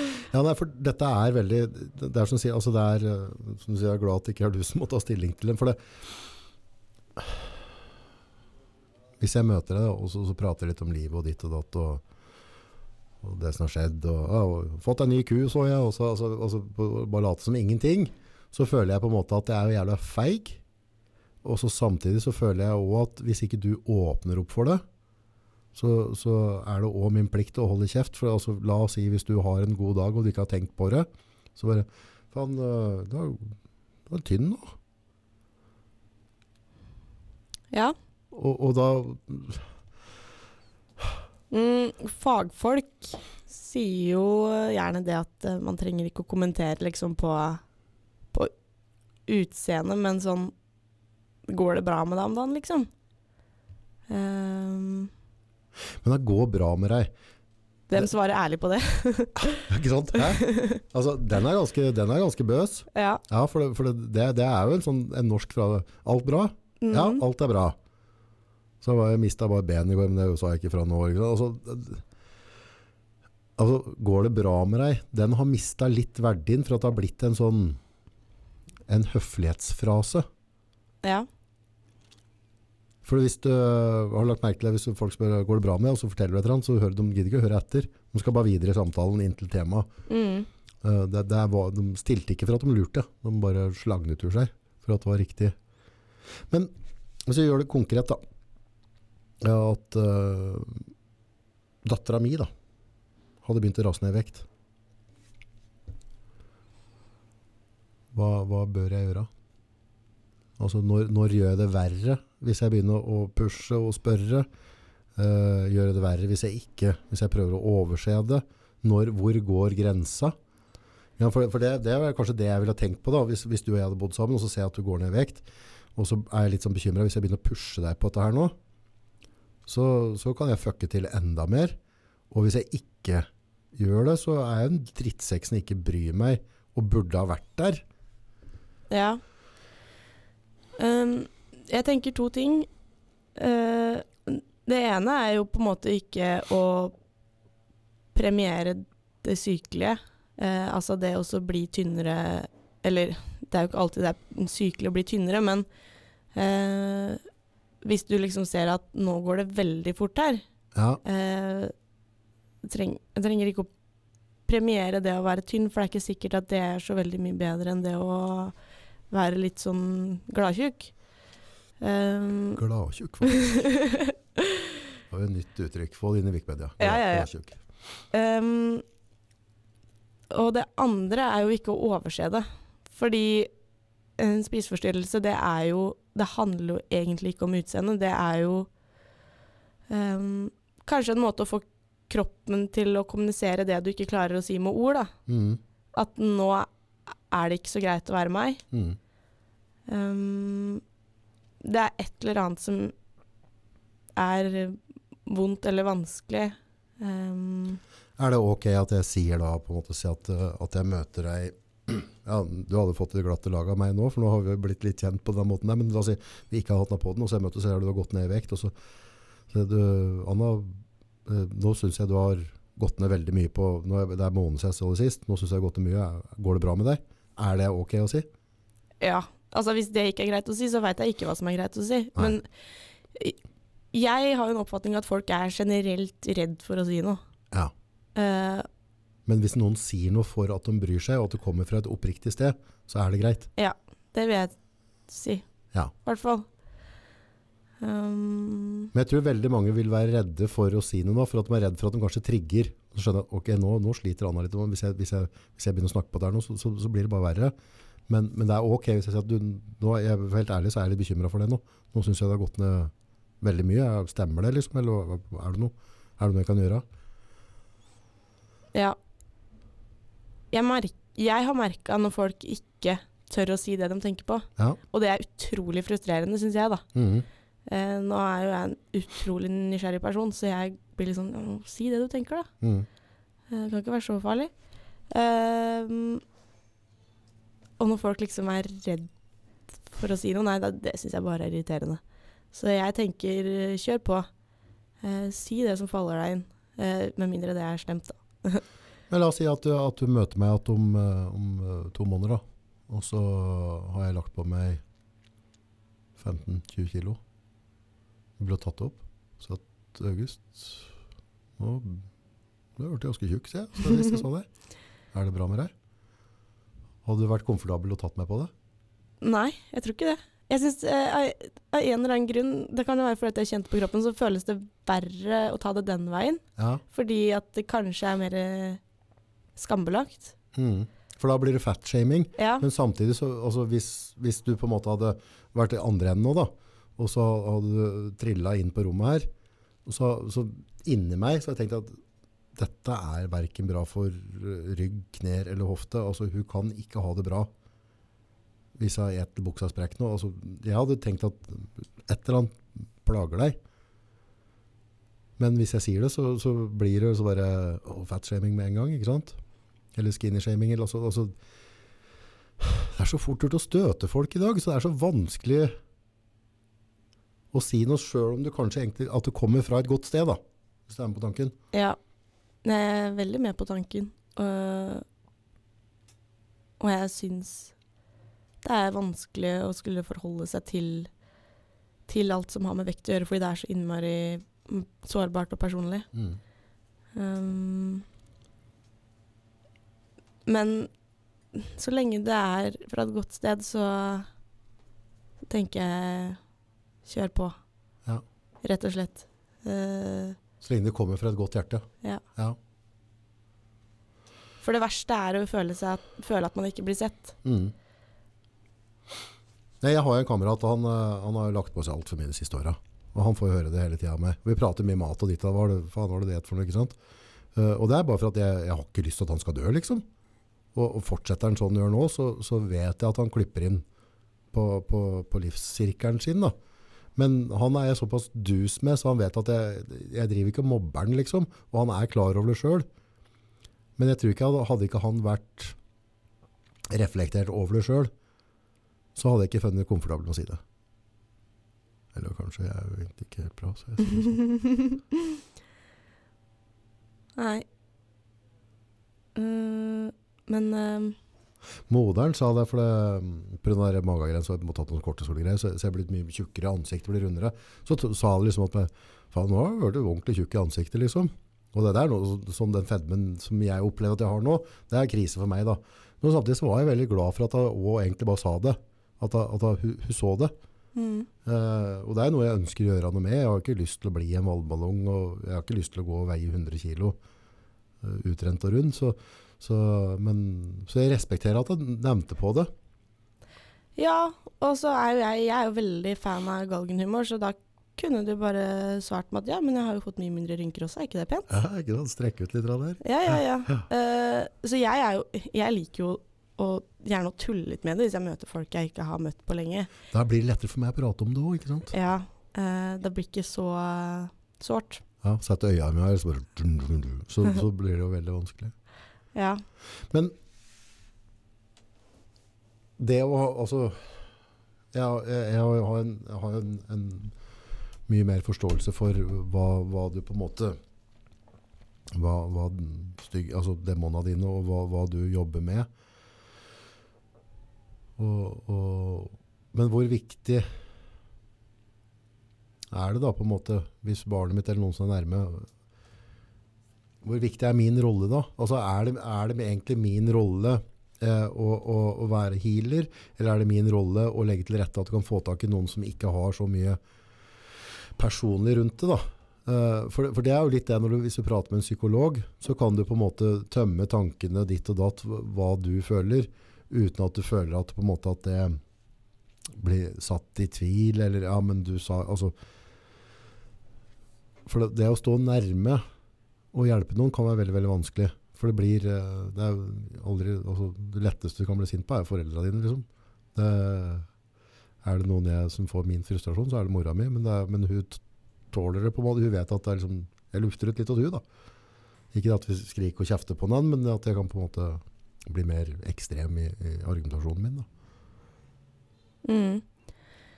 Uh, din rolle er jo å være forelder, Mm. eh, ikke behandler. Fordi eh, det er så mye sterke følelser eh, og så mye ubehag knytta til å skulle trosse spiseforstyrrelsen. At eh, det er jobb for noen som du ikke har personlig tilknytning til. Mm. Um, jeg har skamma meg mye over åssen jeg oppførte meg mot de behandlerne på DPS der hvor jeg var innlagt. Ja. Um, for jeg var et grusomt menneske, for jeg hadde det så vondt med meg sjøl, da. Henta fram det verste i deg. Ja. Uh, fordi at jeg Jeg gikk og trossa meg sjøl hele tiden, liksom. Jeg gikk og gjorde det mest ubehagelige jeg kunne tenke meg, hele tiden. Ehm, det var liksom Det var som om jeg hadde lyst til å vrenge av meg hele kroppen min, liksom. For det var så ubehagelig å være i min egen kropp og være meg når jeg var der. Og da blir du ikke særlig hyggelig. Uh, så Men jeg også har jo ventilert mye Altså, med mamma, da. Hun kan liksom trigge meg litt til tider. Mm. Um, men da føler jeg liksom etterpå at jeg får, får ventilert litt, da. Så det er litt godt òg. Ja, eh, det er det. Men den jobben som må legges ned da, for å klare å trosse tvangstanker og spiseforstyrra tanker, den er såpass ubehagelig man trenger noen som kan bare være der og støtte deg også. Og hvis det på en måte er Du skal både være behandler og støtteperson, så er det liksom vanskelig. Det er en jævlig vanskelig kombinasjon. Eh, så det beste vil jo være at du som forelder bare er der. Um, Holder det varmt i stua og ja. ordner mat hvis du har lyst på mat. Og har du ikke lyst på mat, så la det være. Ja. Eh, og jeg tenker jo det at uh, barn da, som er litt sånn yngre jeg, jeg har jo hørt veldig mye på sånn selvhjelpspodkaster, lest bøker om spiseforstyrrelser. Altså, Jeg har jo saumfart alt av internett og lektyre for å eh, prøve å finne en quick fix. Jeg har jo innsett etter eh, tre år at det fins ikke. Eh, men um, der er det jo mye snakk om dette der med åssen en spiseforstyrrelse rett og slett kan ødelegge familier omtrent, fordi det tar så stor plass. Det er så altoppslukende for eh, både eh, foreldre og den det gjelder, og søsken og alt. Mm. Ja, for det, det, det er jo på en måte um, um, Dattera mi var på sykehuset. Det, det var ikke noe alvorlig, men de skulle bare ta en sånn CPR, en blodprøve i tuppen på fingeren. Ikke sant? Så hun var redd for det, og så, og så fikk hun vondt. At det var hakket før jeg hadde i hjel hele sykehuset. Ikke sant? Og så, det blir altså når, når ungen din er syk, og du føler deg hjelpeløs, det, det er heavy og nå, og Jeg har sluppet unna det, men det, det, er, det er en heavy byrde å bære som mamma eller pappa. Ja. Så, og jeg har tenkt sånn i voksen alder, reflektert, altså jeg har jo levd et ganske eksplosivt liv. Og for mora mi å stå på sidelinja og være med på den reisen, og all den bekymringa hun hadde på om jeg helt tatt kom hjem igjen, om jeg overlevde. Altså, alt var kokos. Det må jo være bare helt jævlig. Jeg tror jeg hadde revet hele Norge. Mm. Du kan tenke deg hvor skamfullt det er da, å vite at eh, du må spise for å overleve. Anoreksi er jo den mest dødelige psykiske lidelsen som fins. Er det det? Mm, så er det den kraften inni deg, den er så stor at du får det ikke til. Selv om du sitter og tenker på mamma og pappa og brødrene Ja, ja. dine som eh, bekymrer livskiten ut av seg, liksom. Eh, og så klarer du faktisk ikke eh, å gjøre det du vet du må. Eh, og så liksom Nei, det Den der skammen der, den har jeg kjent mye på. Og så er det jo det at Prøver hele tiden å fortelle seg sjøl at jeg kan ikke noe for at jeg ble sjuk, liksom. Men så er det jo det å tro på det også, da. Ja. Den viktigste biten av det hele. Ja, Ja. det er ikke fullt så lett hele tiden. Men Er det ikke litt lettere, da, altså, hvis du tenker altså dem som er pårørende, da, uansett hva det nå enn er som, som er av, av plage, at de husker på at, at rollen min da som pappa i en sånn situasjon er å være pappa, og så legge til rette for at livet sklir, og jeg skal ikke være behandler, og så må jeg ikke gå rundt og bære samvittighet for at jeg skulle ha gjort ditt og skulle ha gjort datt, for det er faktisk ikke min oppgave. Vi har, vi har andre systemer som tar det, og da vil det kanskje være litt lettere for deg òg, hvis du vet at, måte at jeg slår meg til ro med at min oppgave er at døra er åpen. Og har du lyst til å prate, så har du lyst til å prate. Du, altså, at, jeg bare, at jeg er uavkorta. Jeg er pappa eller jeg er mamma. That's it. Uh, og så er jeg med å legge til rette i reisa. Og da er jo litt av den skammen som du prater på der òg, hvis, hvis du har vært trygg på at jeg har forstått det. At jeg, jeg kan ikke trylle fram en quick fix for å redde dattera mi. Men det er, det er systemet rundt. Og så, så blir det kanskje litt lettere sånn familiært. Jeg vet ikke. Jo. Eller tenker jeg feil? Nei, du tenker helt riktig. Det tror jeg. det jeg vet jo selvfølgelig ikke Det er sikkert forskjellig fra person til person, men uh, det som også har vært slitsomt, har vært og godt å tenke på um, Eller vært redd for om mamma og pappa har dårlig samvittighet for det som har skjedd. Mm. For det er jo tross Altså, det er jo de De har jo oppdratt meg. Ja, ja, det er dem sin skyld. De har, har laga deg, jo. Nei, ja. Så Ja. Nei, ja. Altså, nei, ja. Det, det var flåsete sagt. Ja, jeg skjønner, jeg er helt eh, med på den, fordi det er jo det sånn, da. Ja, det er nettopp det jeg Ja, tenker. Eh, hadde ungen min havna i den situasjonen altså. Man kan jo tenke tilbake Også på mamma er du, Anna?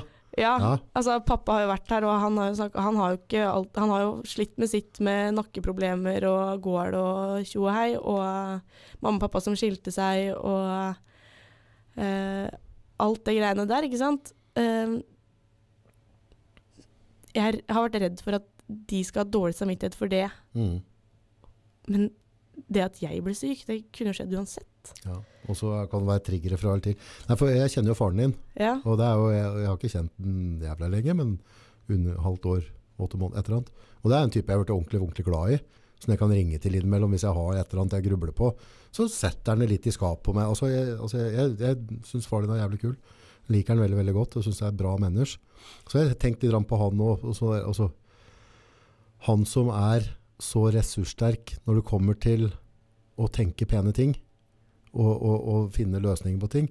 Det må ha vært en helvete frustrasjon for han òg, ikke sant? Altså, at han ikke kan være med å bidra, for han, han er jo en klok mann, da, vil jeg si. ja. Sånn jeg har opplevd den. Ja, jeg også syns det. Uh, men så er det jo det derre I hverdagen, da. Uh, så skjer ting. Ja, ja. Og, og det er jo sånn livet er.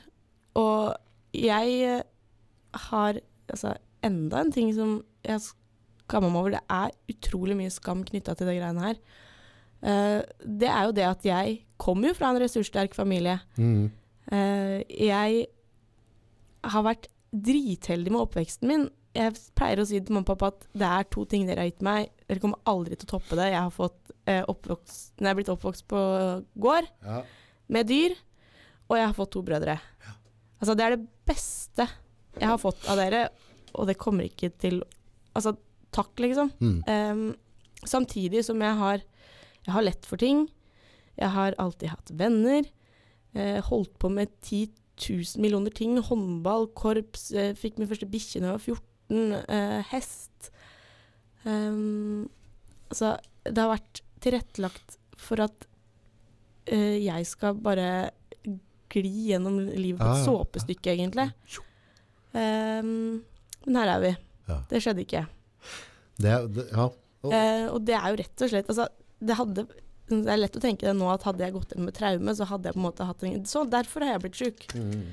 Men mest sannsynlig så ligger det jo i en sånn perfekt storm av eh, eh, min personlighet og ting som har skjedd rundt meg og Ja, men med liksom kjerne i meg og min personlighet, som på en måte har gjort at eh, jeg har fått det tøft. Mm. Det ikke noe annet å skylde på enn meg. Nei, og det ser jeg jo sånn som eh, med, med, Sånn jeg vokste opp på, da. Så også mora mi hun er, hun er, hun er sheriff, liksom. Hun er kjempebra. Og vi har en familie som er full med ressurssterke. Eh, smarte, oppegående, flinke, utdanna. Som har liksom oppnådd det mest helt, altså, Onkler og tanter altså, som, er, som, er bare, som er helt rå. Og dem har barn som har, har på en måte virkelig vært flinke hele veien. Og så har det meg, da. Som datt utsida. Den stygge andungen, på en måte. Og det er liksom følt liksom der, hvorfor, hvorfor, hvorfor ble jeg han dritten? Altså, de andre. Og, og det er liksom Hadde jeg spurt om hjelp eller for, altså, det, det, det, har, det har ikke skorta på noen ting med oppegående folk rundt meg. Og så har jeg valgt liksom å trekke meg unna det. Og holdt meg unna det, det gode. Altså, jeg vet ikke, men, men det jeg vet med sikkerhet, er at på godt og vondt så, så kom jeg på kloden der for en grunn. Og det gjorde du òg. Og det er ikke noe som mora mi eller familien rundt meg eller noen kunne gjort for å forandre den ferden. Akkurat som det var, egentlig, det var min genetiske make- makeup. Det, ble- det ble sånn. Og nå i dag sitter jeg her frisk og rask og prater med deg, og, og ting har, det har jo gått bra, ikke sant? Men samtidig så har jeg liksom hatt sånn der dårlig sjølbilde, da. Når du ser alle andre som bare de, de ser godt ut, de ordner ditt, de, de holder seg på rette sida av loven, og alt, alt er liksom på stell, og de er flinke, og de har brukt de ressursene som har ligget tilgjengelig for dem. Og så kommer han dritten Augusten og på bare drete i hele opplegget. Og da, da får du skam, eller du føler du får et mindreverdighetskompleks. Og da blir det litt at du trekker deg litt unna, da, ikke sant? Du trekker deg unna dem som, som har gjort det bedre enn meg, da. På en eller annen måte. At jeg, og det er ikke for at jeg, at jeg ikke liker dem, men det er for at, eh, at jeg føler meg så dårlig at jeg har ikke lyst til å belaste dem med navnet mitt. Jeg har ikke lyst til å, lyst til å gå og ja, du, er liksom, du er tanta mi. Jeg, jeg, altså, det er ikke for at jeg ikke er stolt av det, men det er for at jeg har ikke lyst å belemre deg med, med skrotsekken min. Da. Der er det litt sånn skam. Mm. Um, jeg syns jo En ting jeg har lært, da, det er forskjellen på selvtillit og sjølbilde. Um, Hva er forskjellen? Lær meg. ja. Uh, når jeg var innlagt, så hadde vi om dette her, da.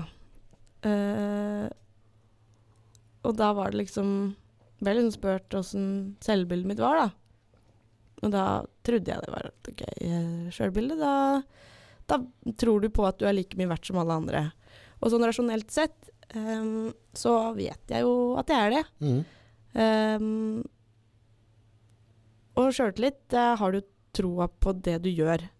Ok, ja. Um, og det du får til, på en måte. Og jeg har, er jo født med sølvskje i ræva og har fått til mesteparten av det jeg har prøvd på. Ja. Eh, derav så har jeg jo fått god sjøltillit.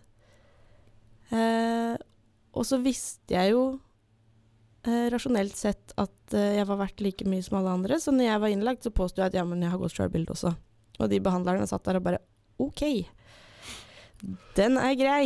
Eh, aldri møtt eh, en i din situasjon som har godt sjølbilde, men eh, vi hører hva du sier. Ja.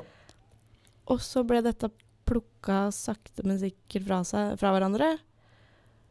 Og så har jeg jo innsett det at så mye jeg går rundt og bekymrer meg for å ikke være bra nok, eller for å ikke bli likt, så har jeg jo et sjølbilde som er ganske ræva. Mm. Um, Og jeg er jo ganske lite glad i den jeg er. Jeg kunne ønske jeg var noen andre. Jeg går ofte og er misunnelig på andre. Og misunnelse også er en skamfull ting å være. Mm. Så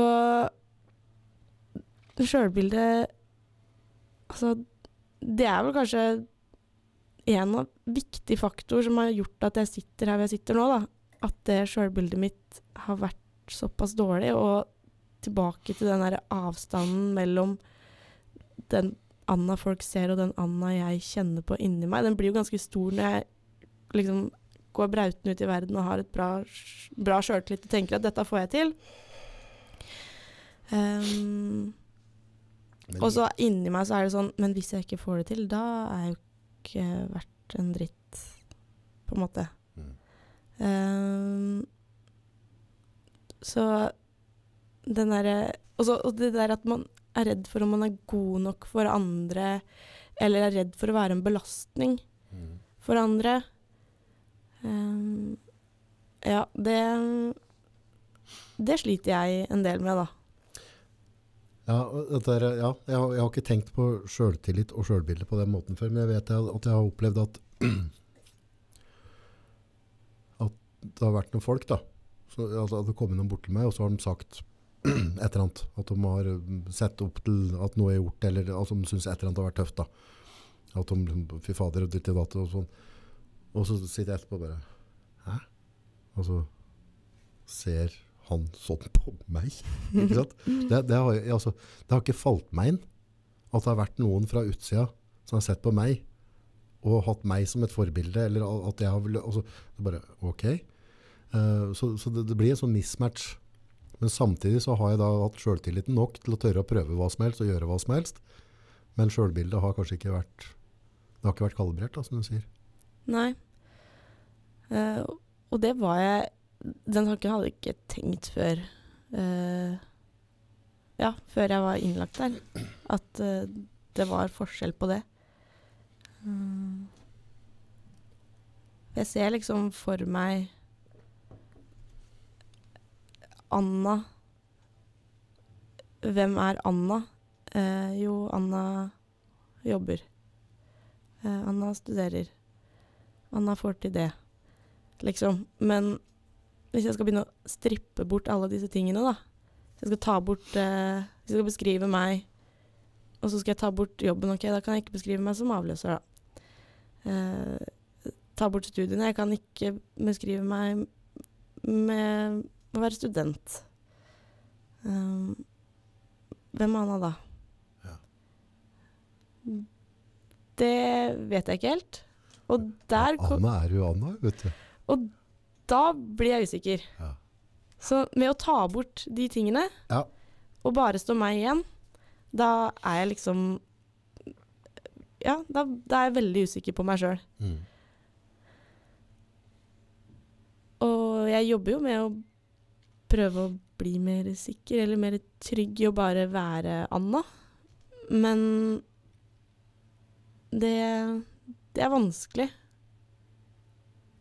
Og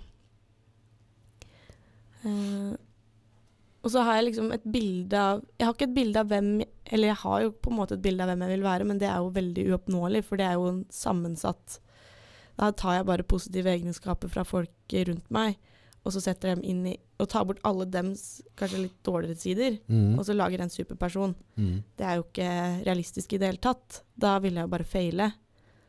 Eh, så det handler jo litt om å klare å kjenne seg sjøl og mine positive og negative sider, og liksom godta at sånn er det. Og det er faktisk bra nok. Um, det er jo et stykke arbeid. Mm. Og godta det, ja. For du er jo bra nok, men det er bare å å lære seg å godta det. Ja, For Anna er Anna. Du er den du skal være. Du ble født akkurat som du skulle, du. Dette, Ja. er, dette er bare en del av reisa di. Noen har en annen reise, du har denne reisa her. Og det er, ja. det er godt nok. Mm. Du, du fikk utdelt en skikkelig utfordring ganske tidlig i fasen din. I det du på en måte går fra å bli ung og voksen. Uh, og, så du, du fikk bare en forbanna kickstart på, på det hele. Og Og det, det, er, det kommer til å være med å forme deg gjennom livet på en positiv måte. Der igjen, da. Det, jeg mener med at du er reflektert. Altså, du, du kommer til, jeg vet at du kommer til å gjøre dette til noe positivt. Men, eh, men den prisen på den utdannelsen du har tatt nå, eh, siden dette starta, den er jævlig høy, da. Altså, Mm. Den er farlig, og så er den høy. Og, og voldsom og altoppslukende. Så det er ikke som å gå tre år på allmennfaglig, liksom. Nei. Eh, og jeg tror ikke akkurat det tidspunktet det skjedde på, det tror jeg ikke var tilfeldig. Eller jeg er ganske sikker på at det ikke var tilfeldig, fordi jeg hadde tre helt fantastiske år på videregående. Uh, på internatskolen. Jeg hadde venner rundt meg 24-7. Altså, det var ikke snakk om å føle seg ensom der, liksom.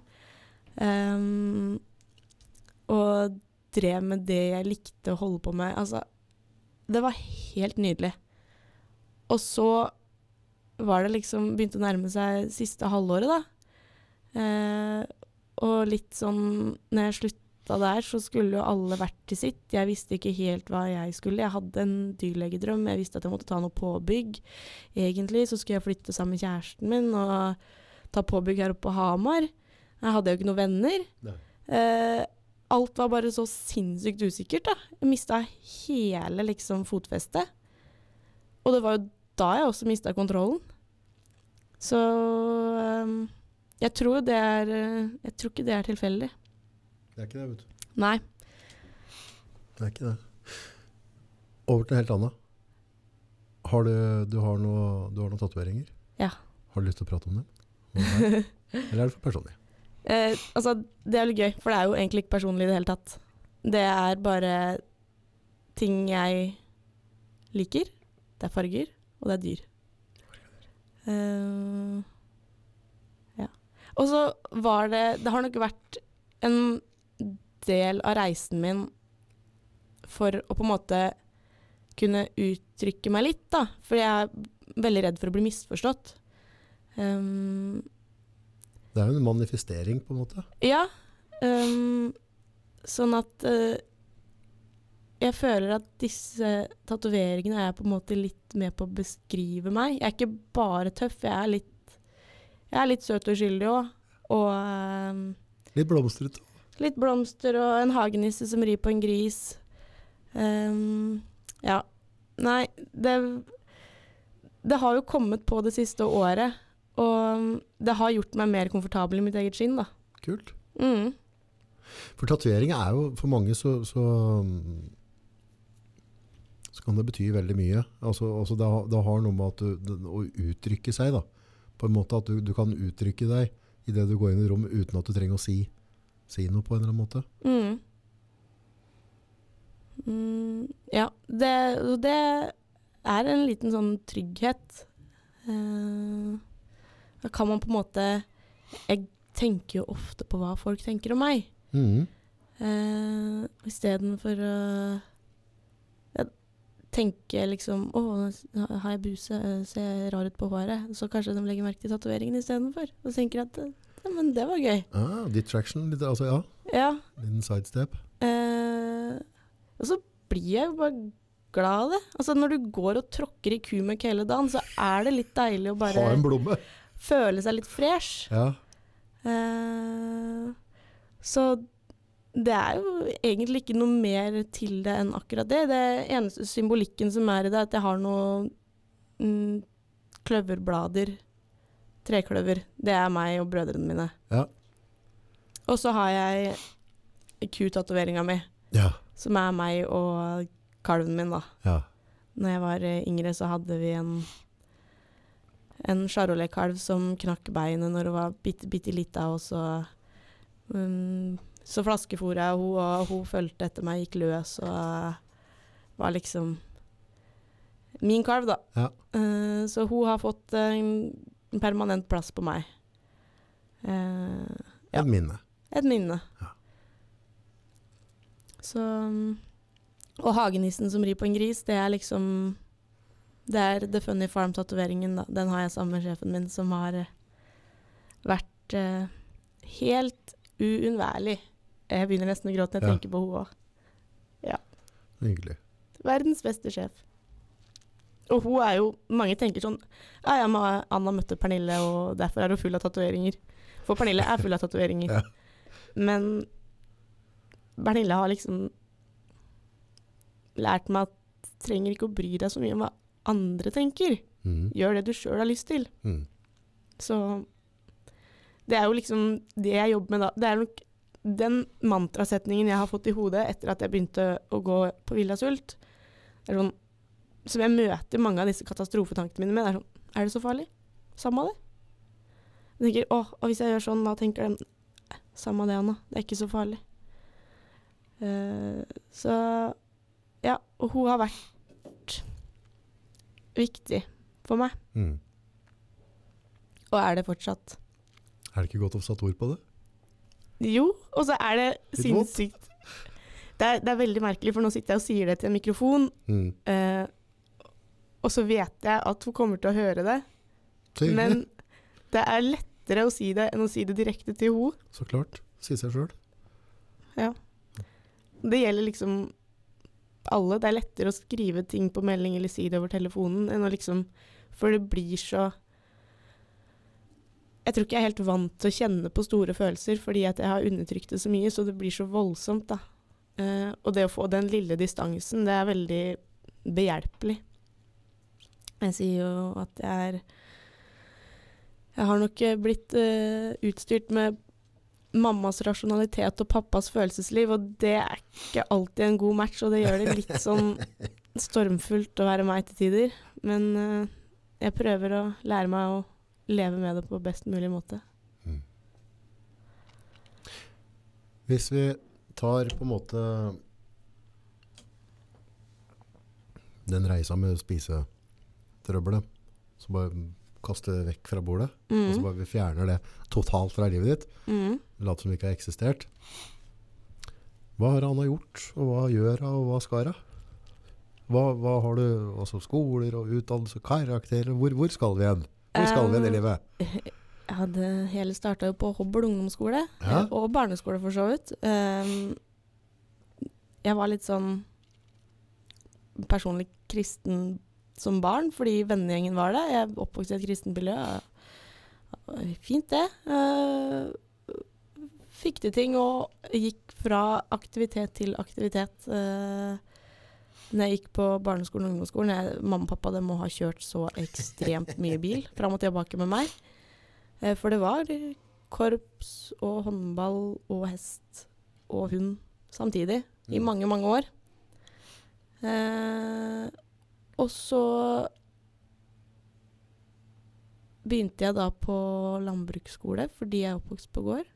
Eh, og planen har jo, eh, så lenge jeg kan huske, vært å bli dyrlege. Mm. Så det var liksom målet mitt, da. Og så fikk jeg høre men du kan ikke begynne på Tomb, du Anna. Du er altfor smart til det. Du må gå allmennfag. Og det kjente jeg at det skal jeg i hvert fall ikke gjøre. uh, så det ble Tomb. Og det ble tre år med landbruk der.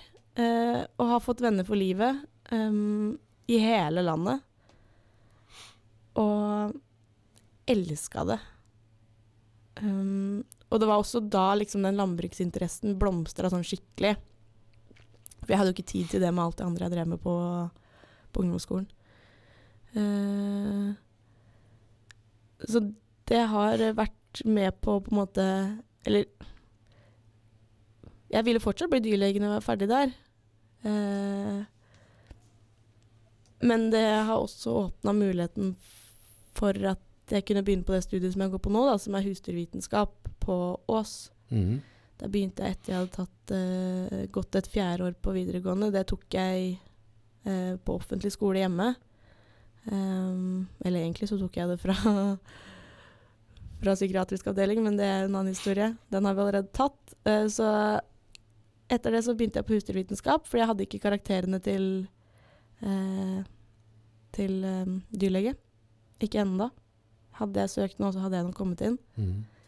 med alderspoeng og sånn, men uh, nå har jeg liksom lagt det litt fra meg. Fordi jeg trives på det studiet jeg gjør, og jeg er ikke så gira på å sitte så veldig mange flere år på studiebenken. Så det er jo Ja, begynner nå med tredje året mitt på bacheloren.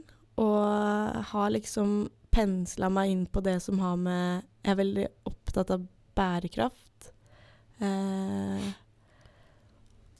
og tar liksom litt fag som er retta mot mjølkeproduksjon og eh, lokalt eh, produsert eh, bærekraftig eh, på gårdens ressursgrunnlag.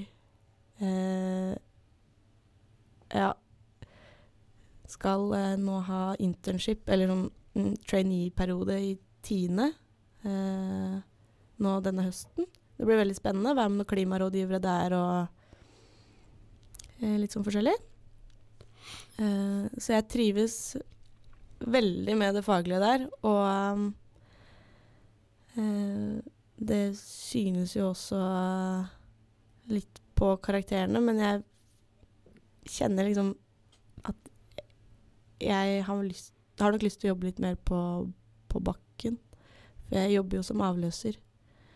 Jeg jobber jo på den besøksgården. Der er jeg potet. Der gjør jeg alt mulig rart. Det er kafé i helgene og åpen gård, så da står jeg på kjøkkenet og baker og steker vafler og koker kaffe og alt mulig rart. Og så er jeg avløser der når de er på ferie, eller hvis de skal ha fri, litt sånn i hverdagen.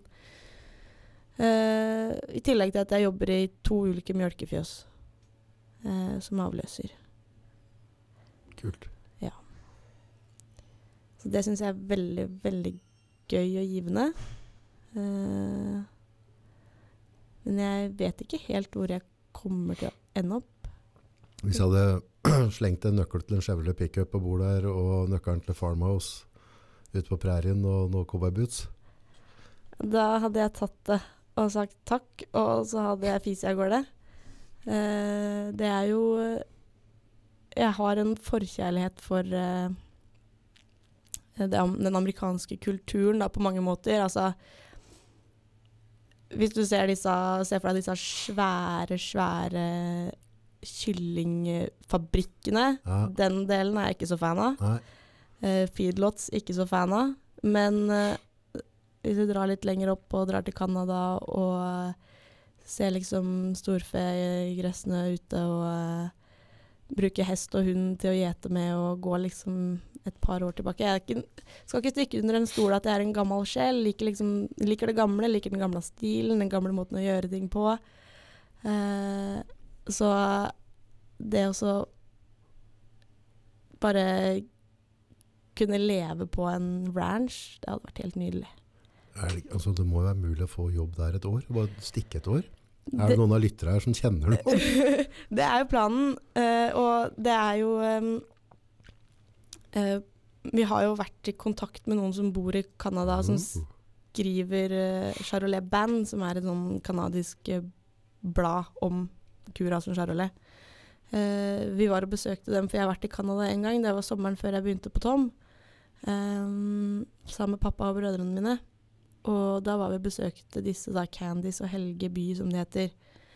Eh, og for et par måneder siden så sendte jeg en melding til Candice på Facebook og spurte om hun kunne være litt på utkikk etter eh, noen som eh, kanskje kunne tenke seg å ha meg jobbende der et års tid. Um, så når jeg er ferdig med bacheloren nå, hvis det ikke skjer noe annet spennende som lokker mer, så tenkte jeg jo å pakke snippesken og ta med meg bikkja og dra over dit, da. Gjør det. det. det. hadde vært veldig, veldig, veldig gøy å, å, få oppleve det, og ikke bare oppleve det, men å leve litt i det. Uh, Hverdagen? Ja. For uh, når vi var der, så var vi liksom og sala opp hestene med cowboysal og uh, rei av gårde for å flytte noe dyr og Altså, jeg bare, jeg bare elska det, liksom.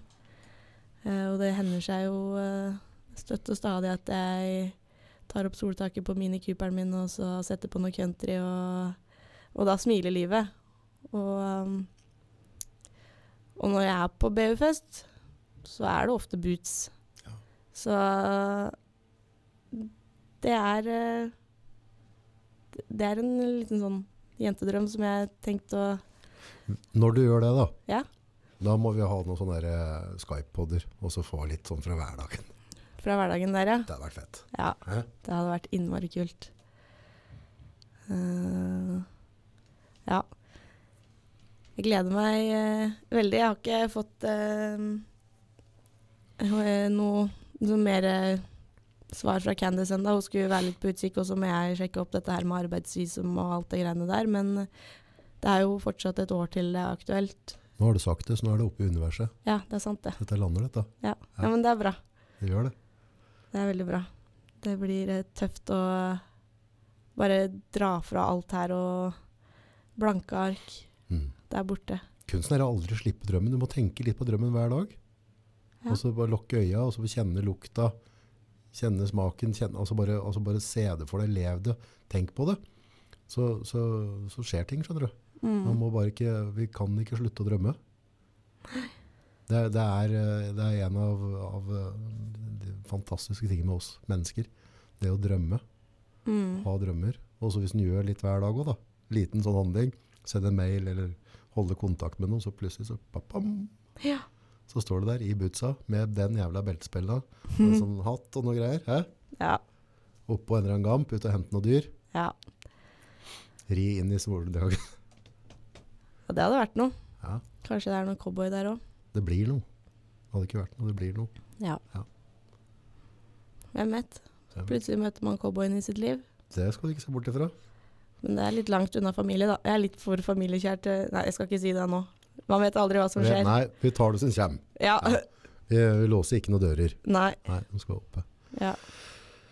Du, jeg setter vanvittig pris på deg, og jeg håper at, eh, at eh, vi har sådd et frø som er et vennskap som kan være livet vårt ut. Mm. Jeg syns du er jævlig kul, og så er det ser er jeg veldig opp til deg at du har klart å, å åpne opp sånn du har gjort nå. For det er beintøft når du står Når du ligger i skyttergrava som du gjør om dagen, og, og stikke ut huet og, og sette opp ord på ting. Det er jeg helt sikker på at uh, betyr vanvittig mye for mange av dem som hører på. Det er veldig mange som kan ha en relasjon til dette der. Ja, jeg er veldig glad for at jeg fikk komme og fortelle litt, fordi jeg Som sagt så har jeg ingen i samme situasjon, på en måte, som jeg kan se til. Så Og jeg tror også det er mange andre som i min omgangskrets som har hatt veldig mye spørsmål da, som det har vært vanskelig å sette ord på. Og du er jo såpass flink til å liksom dra det ut av folk. Ikke dra det ut engang, det kommer Ja. veldig naturlig når jeg snakker med deg. Så jeg føler at uh, det har vært uh, veldig, veldig fint å få dele litt, lite grann av det som er under overflaten. Tusen, tusen takk. Takk.